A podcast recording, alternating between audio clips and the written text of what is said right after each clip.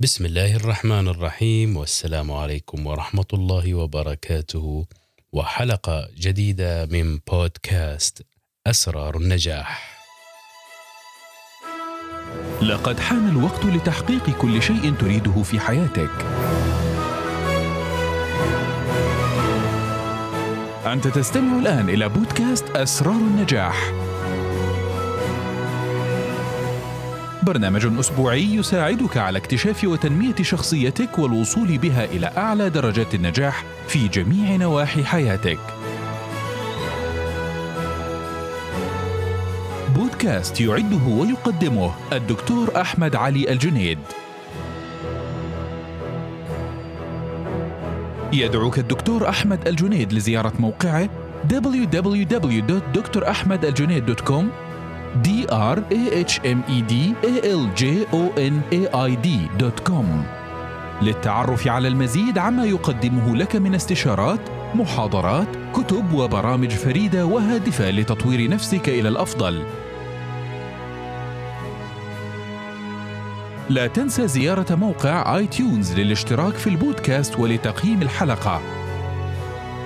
والآن لنستمع نتأمل نطبق. ولنطرق أبواب النجاح سويا مع بودكاست أسرار النجاح. أحبتي السلام عليكم ورحمة الله وبركاته. وحلقتنا الجديدة الس- الثامن عشر من بودكاست أسرار النجاح. وقبل ما نبدأ فيها أحب أشكر المستمعين والمستمعات الكرام على إيميلاتهم الرائعة والجميلة. أذكر بعض الأسماء بس مثلا ال- الأخ عبد الله المول آه، أيضا آم، صالح عسيري آه، هيفا سعد آه، يعني يونس حكيم في أنا يعني قاعد الآن بشوف في ال- الإيميلات ما شاء الله شيء يفرح جدا وأنا أقدر لهم مشاركتهم و دعمكم كلكم طبعا. وبالذات هذول اللي يبقوا دائما على اتصال لأنه بهذا الشيء يعني يروني إنه هم أصلا يعني بيحاولوا يستفيدوا من هذا. أنا متأكد من الباقيين في أسباب كثيرة طبعا تمنع الناس منها يكون خجل منها يكون تردد منها يكون في أشياء ثانية. على العموم يعني في طلبات برضو آه، لأني وعدتكم في السابق إني حركز في وقت من الأوقات إن شاء الله على ال- الجزء المادي مثلا للتنمية تنمية الدخل المادي للأعضاء والعضوات. وحيكون إن شاء الله في برنامج. أنا وعدتكم وأنا ما زلت عند وعدي إن شاء الله. بس أنظم نفسي آه وإن شاء الله حيكون لكم نصيب كبير فيه بمشيئة الله. قبل ما يطلع حتى للببليك قبل ما يطلع للناس الثانية. طبعا الأولوية حيكون اولا للأشخاص والأعضاء والعضوات المشتركين في نشرة أسرار النجاح. كرد لجميلهم للجميل يعني. وبعد كذا حيكون لمستمعين البودكاست.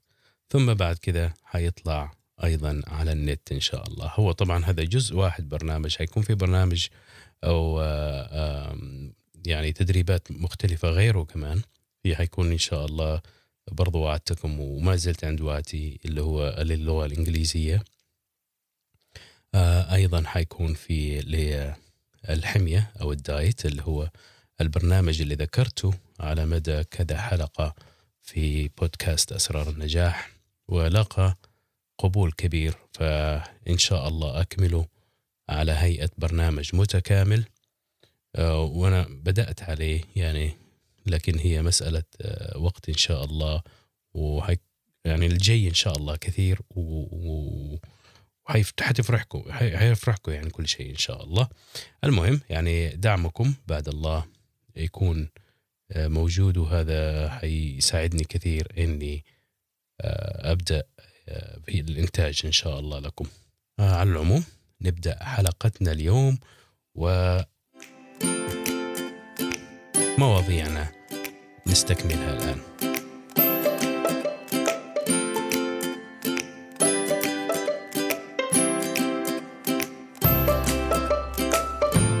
الثلاث المواضيع هي هي لكنها من أفضل المواضيع اللي ملاقيها يعني آه، إقبال من الأعضاء والعضوات. طبعا آه، شفرة التغيير الاستثنائي. الأسبوع هذه القاعدة السادسة عشر. بعد كذا نتكلم عن التأثير التراكمي ونجاحك في الحياة. وحتكون على آه هذه الحلقة تناقش الجزء الثامن. الاسم آه يعني يضحك شوي. اسمه الفيلة لا تعض عمركم شفتوا فيلة عض؟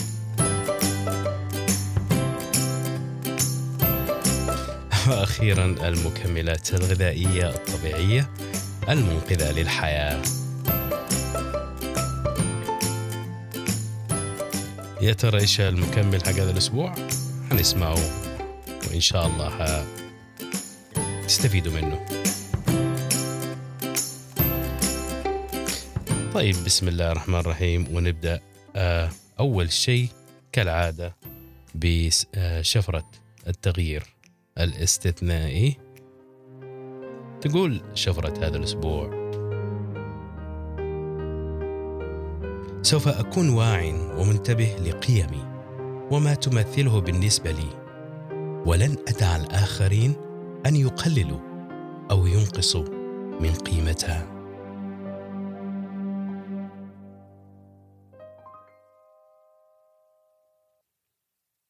نعيدها مرة ثانية. تقول القاعدة سوف أكون واع ومنتبه لقيمي وما تمثله تلك القيم بالنسبة لي. ولن أدع الآخرين أن يقللوا أو ينقصوا من قيمتها.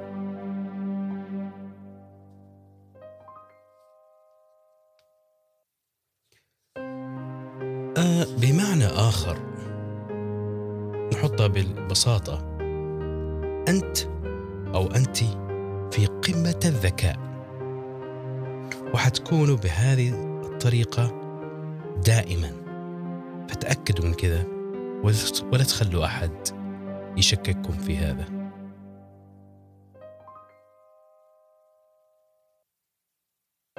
كيف نستخدم القاعدة؟ خليني أسألكم هذا السؤال. أين أنت من اعترافك بكل شيء فعلته؟ اعترافك بما هو بمن هو أنت؟ واعترافك بكل ما تستطيع القيام به.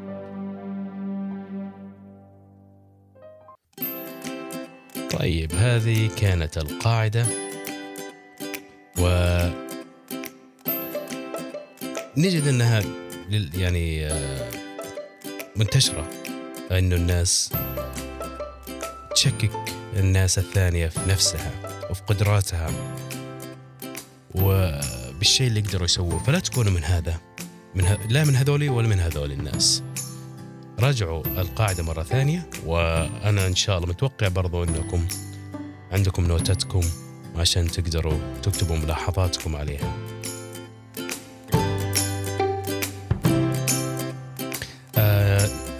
نبدأ الآن نقطتنا الثانية أو موضوعنا الثاني وهو التأثير التراكمي ونجاحك في الحياة.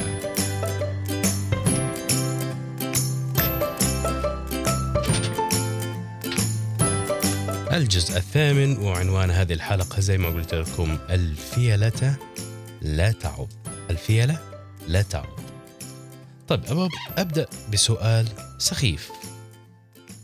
هل سبق لك وعض لك عضك فيل قبل كذا؟ الاحتمال ضعيف جدا صحيح؟ طيب هل سبق لك وعضتك أو بالأصح لدغتك بعوضة؟ أكاد أجزم أنه إجابتك في هذه الحالة حتكون بنعم شايفين كذا هي حياتنا بالضبط في بعض الأحيان تتراءى لنا الأخطاء الكبيرة اللي قمنا بها تتراءى لنا بأنها تهددنا بتدمير مستقبلك بتدمير عملك أو تدمير سمعتك في أي لحظة. مثلا الكذب بأنك شخص ما لك توجهات ما بعد كذا يتضح للناس إنك غير هذا الشخص. والواقع غير كذا. بالطبع الاختيارات اللي أدت للأخطاء الكبيرة لها عواقب ما ننكر وانعكاساتها كبيرة. ولكن حتى لو قمت بعيش هذه الكذبة وإيهام الناس وأصررت على الكذب من غير ما تندم وتعد بإصلاح نفسك أو آه، تغيير هذه النقطة آه، طبعا هذا خطأ كبير وخطأ يعني كبير جدا. كلنا نخطئ لكن المفروض نتراجع عن الخطأ ونوعد نفسنا بعدم القيام بهذا الخطأ. بس خلينا نقول أن الكذبة استمرت وبعدين انكشفت بسبب عنادك. مع كذا نجد أنه على آه، أن النقطة هذه طبعا يعني على الرغم من كبرها كبر المشكلة وعواقبها إلا أنها ما حتكون النقطة والشيء اللي حيرجعك لورا ويدمر حياتك أو إنها حتكون اللحظة المأساوية الوحيدة اللي حنكون قلقين يعني قلقين منها. آه، بالنسبة لأغلبنا المشكلة الحقيقية هي في الواقع الخيارات الصغيرة المتكررة الاختيارات الصغيرة المتكررة واللي ما تبدو لنا بمنطقنا إحنا انها هي اللي حتكون مصدر القلق الحقيقي. أنا بتكلم عن القرارات اللي تعتقد إنها ما حتحدث اي ما تحدث أي فارق في حياتك على الإطلاق. هذه الأشياء الصغيرة هي اللي بدون شك بل المفروض إنك تتوقع إنها حتعرقل نجاحك. سواء كان هذا هذه الأشياء آه يعني تذاكي في غير محله سلوكيات صغيرة ما عرت لها اهتمام أو أشياء صغيرة تتهيأ لك بأنها أشياء وقرارات إيجاب إيجابية في بالك أنها شيء إيجابي. وهذا النوع بالذات خطير وغدار. هذه القرارات اللي تبدو تافهة في أول الأمر ممكن تبعدك عن مسارك لأنك ما كنت تدركها وما كنت تتوقعها. لأنك كنت مشغول ومضغوط مثلا وبالتالي ما بتنتبه للأشياء الصغيرة اللي بتعملها واللي هي بدورها تبعدك عن طريقك وخط سيرك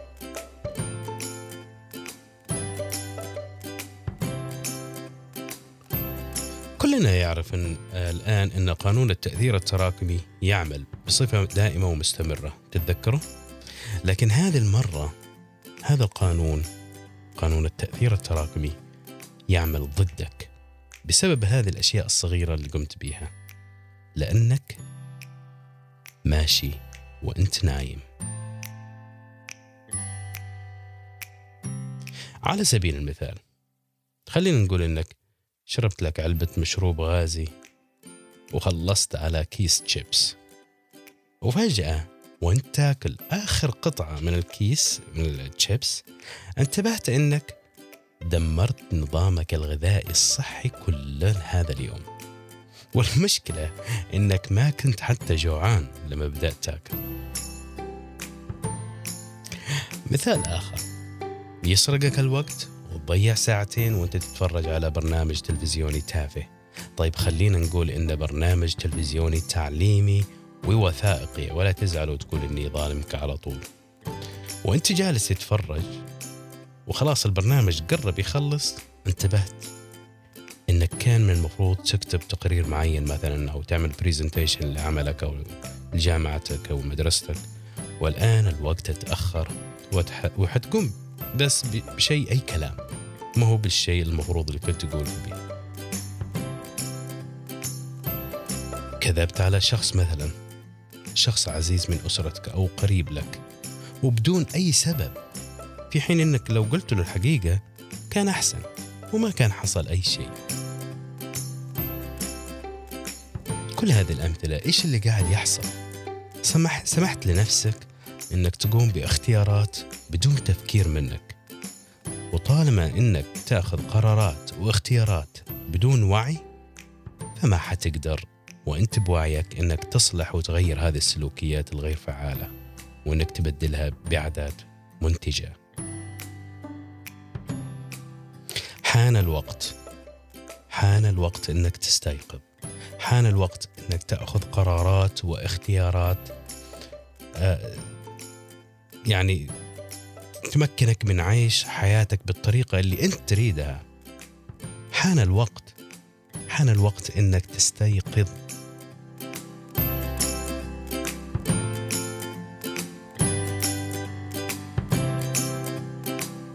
وهذا كان الموضوع الثاني.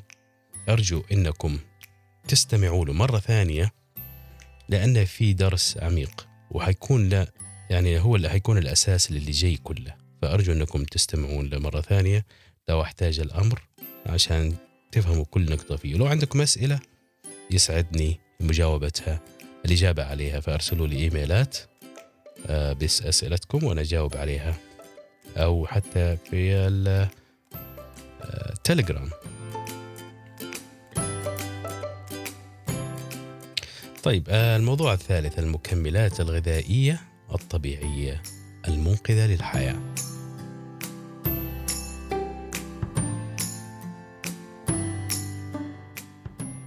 الكبد يعمل كالعمود الفقري لجسمك. فأعطيه الدعم الذي يحتاجه.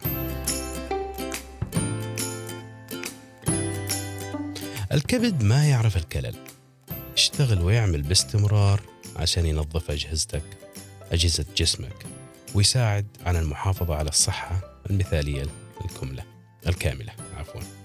ولكن بدون تغذية سليمة ودعم مناسب للكبد بغض النظر عن كمية العمل اللي يقوم بها ما حيستطيع مواكبة المتطلبات اللي حطيتها ووضعتها عليه. طيب إيش الحل؟ المعروف بالعربي أنا لقيته يسموه الحرشف البري أو بشوك الحليب وهو من عائلة زهور عباد الشمس. وهذا له تاريخ طويل يتجاوز الألفين سنة في معالجة أمراض الكبد.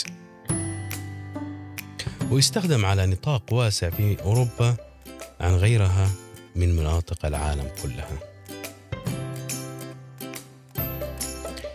وأوضحت الدراسات أنه يدعم الكبد بكل شيء يحتاجه من دعم. فهو يساعد على تحسين وظيفة الكبد عن طريق تجديد مستويات الجلوتاثيون. الجلوتاثيون هذا يحيد السموم في الجسم أو يساويها. وهذه المساعدة تحدث من خلال زيادة فعالية الغشاء الوقائي للكبد. وأيضا يشجع على نمو الخلايا السليمة داخل الكبد. في دراسة واحدة من اللي عملوها على مرضى كانوا يعانوا من التهاب الكبد. آه، أعطوهم الحليب الشوكي هذا. فتحسنت اختبارات وظائف الكبد بعد سبعة أيام فقط من تناولهم. في دراسة في معمل آخر آه، تعامل الباحثين مع مرضى آه، يعني يجروا غسيل كلوي دائما. فكان عندهم خلل في الجلوتاثيون في الجلوتاثيون. فمع إعطائهم الحليب الشوكي بدأت تتحسن مستويات الجلوتاثيون في أجسامهم. وارتفعت آه، آه، إلى المستوى الطبيعي مما أدى إلى آه، يعني إصلاح ال liver function أو أو وظائف الكبد كلها. مع أنهم كانوا بعضهم في حالات خطيرة جدا ومراحل متأخرة. فدعم الكبد وأيضا أعطى له العناصر الغذائية اللي كان يحتاجها. وعشان نستفيد بأكبر قدر من الحليب الشوكي فنأخذه على بمقدار 300 ملغ مرتين في اليوم. والحليب الشوكي لا توجد له مخاطر معروفة على السلامة ولكن كالعادة إذا كنت تأخذ أي, دوي أي أدوية ثانية ففكرة جيدة أنك تخبر طبيبك بكل شيء تأخذه.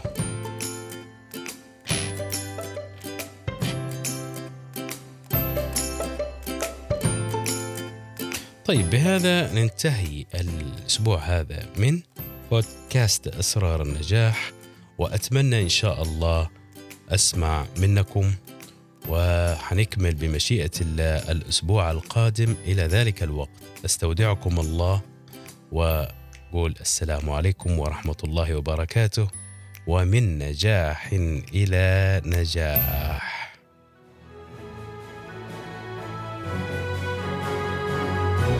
كنت تستمع إلى بودكاست أسرار النجاح مع مقدمه الدكتور أحمد الجنيد. لا تنسى زيارة موقع آي تيون للاشتراك في البودكاست ولتقييم الحلقة. وللحصول على المزيد من المعلومات عما يمكن أن يقدمه الدكتور أحمد الجنيد لك قم بزيارة موقعه على www.drahmedaljunaid.com d r a h m e d a l j o n a i d.com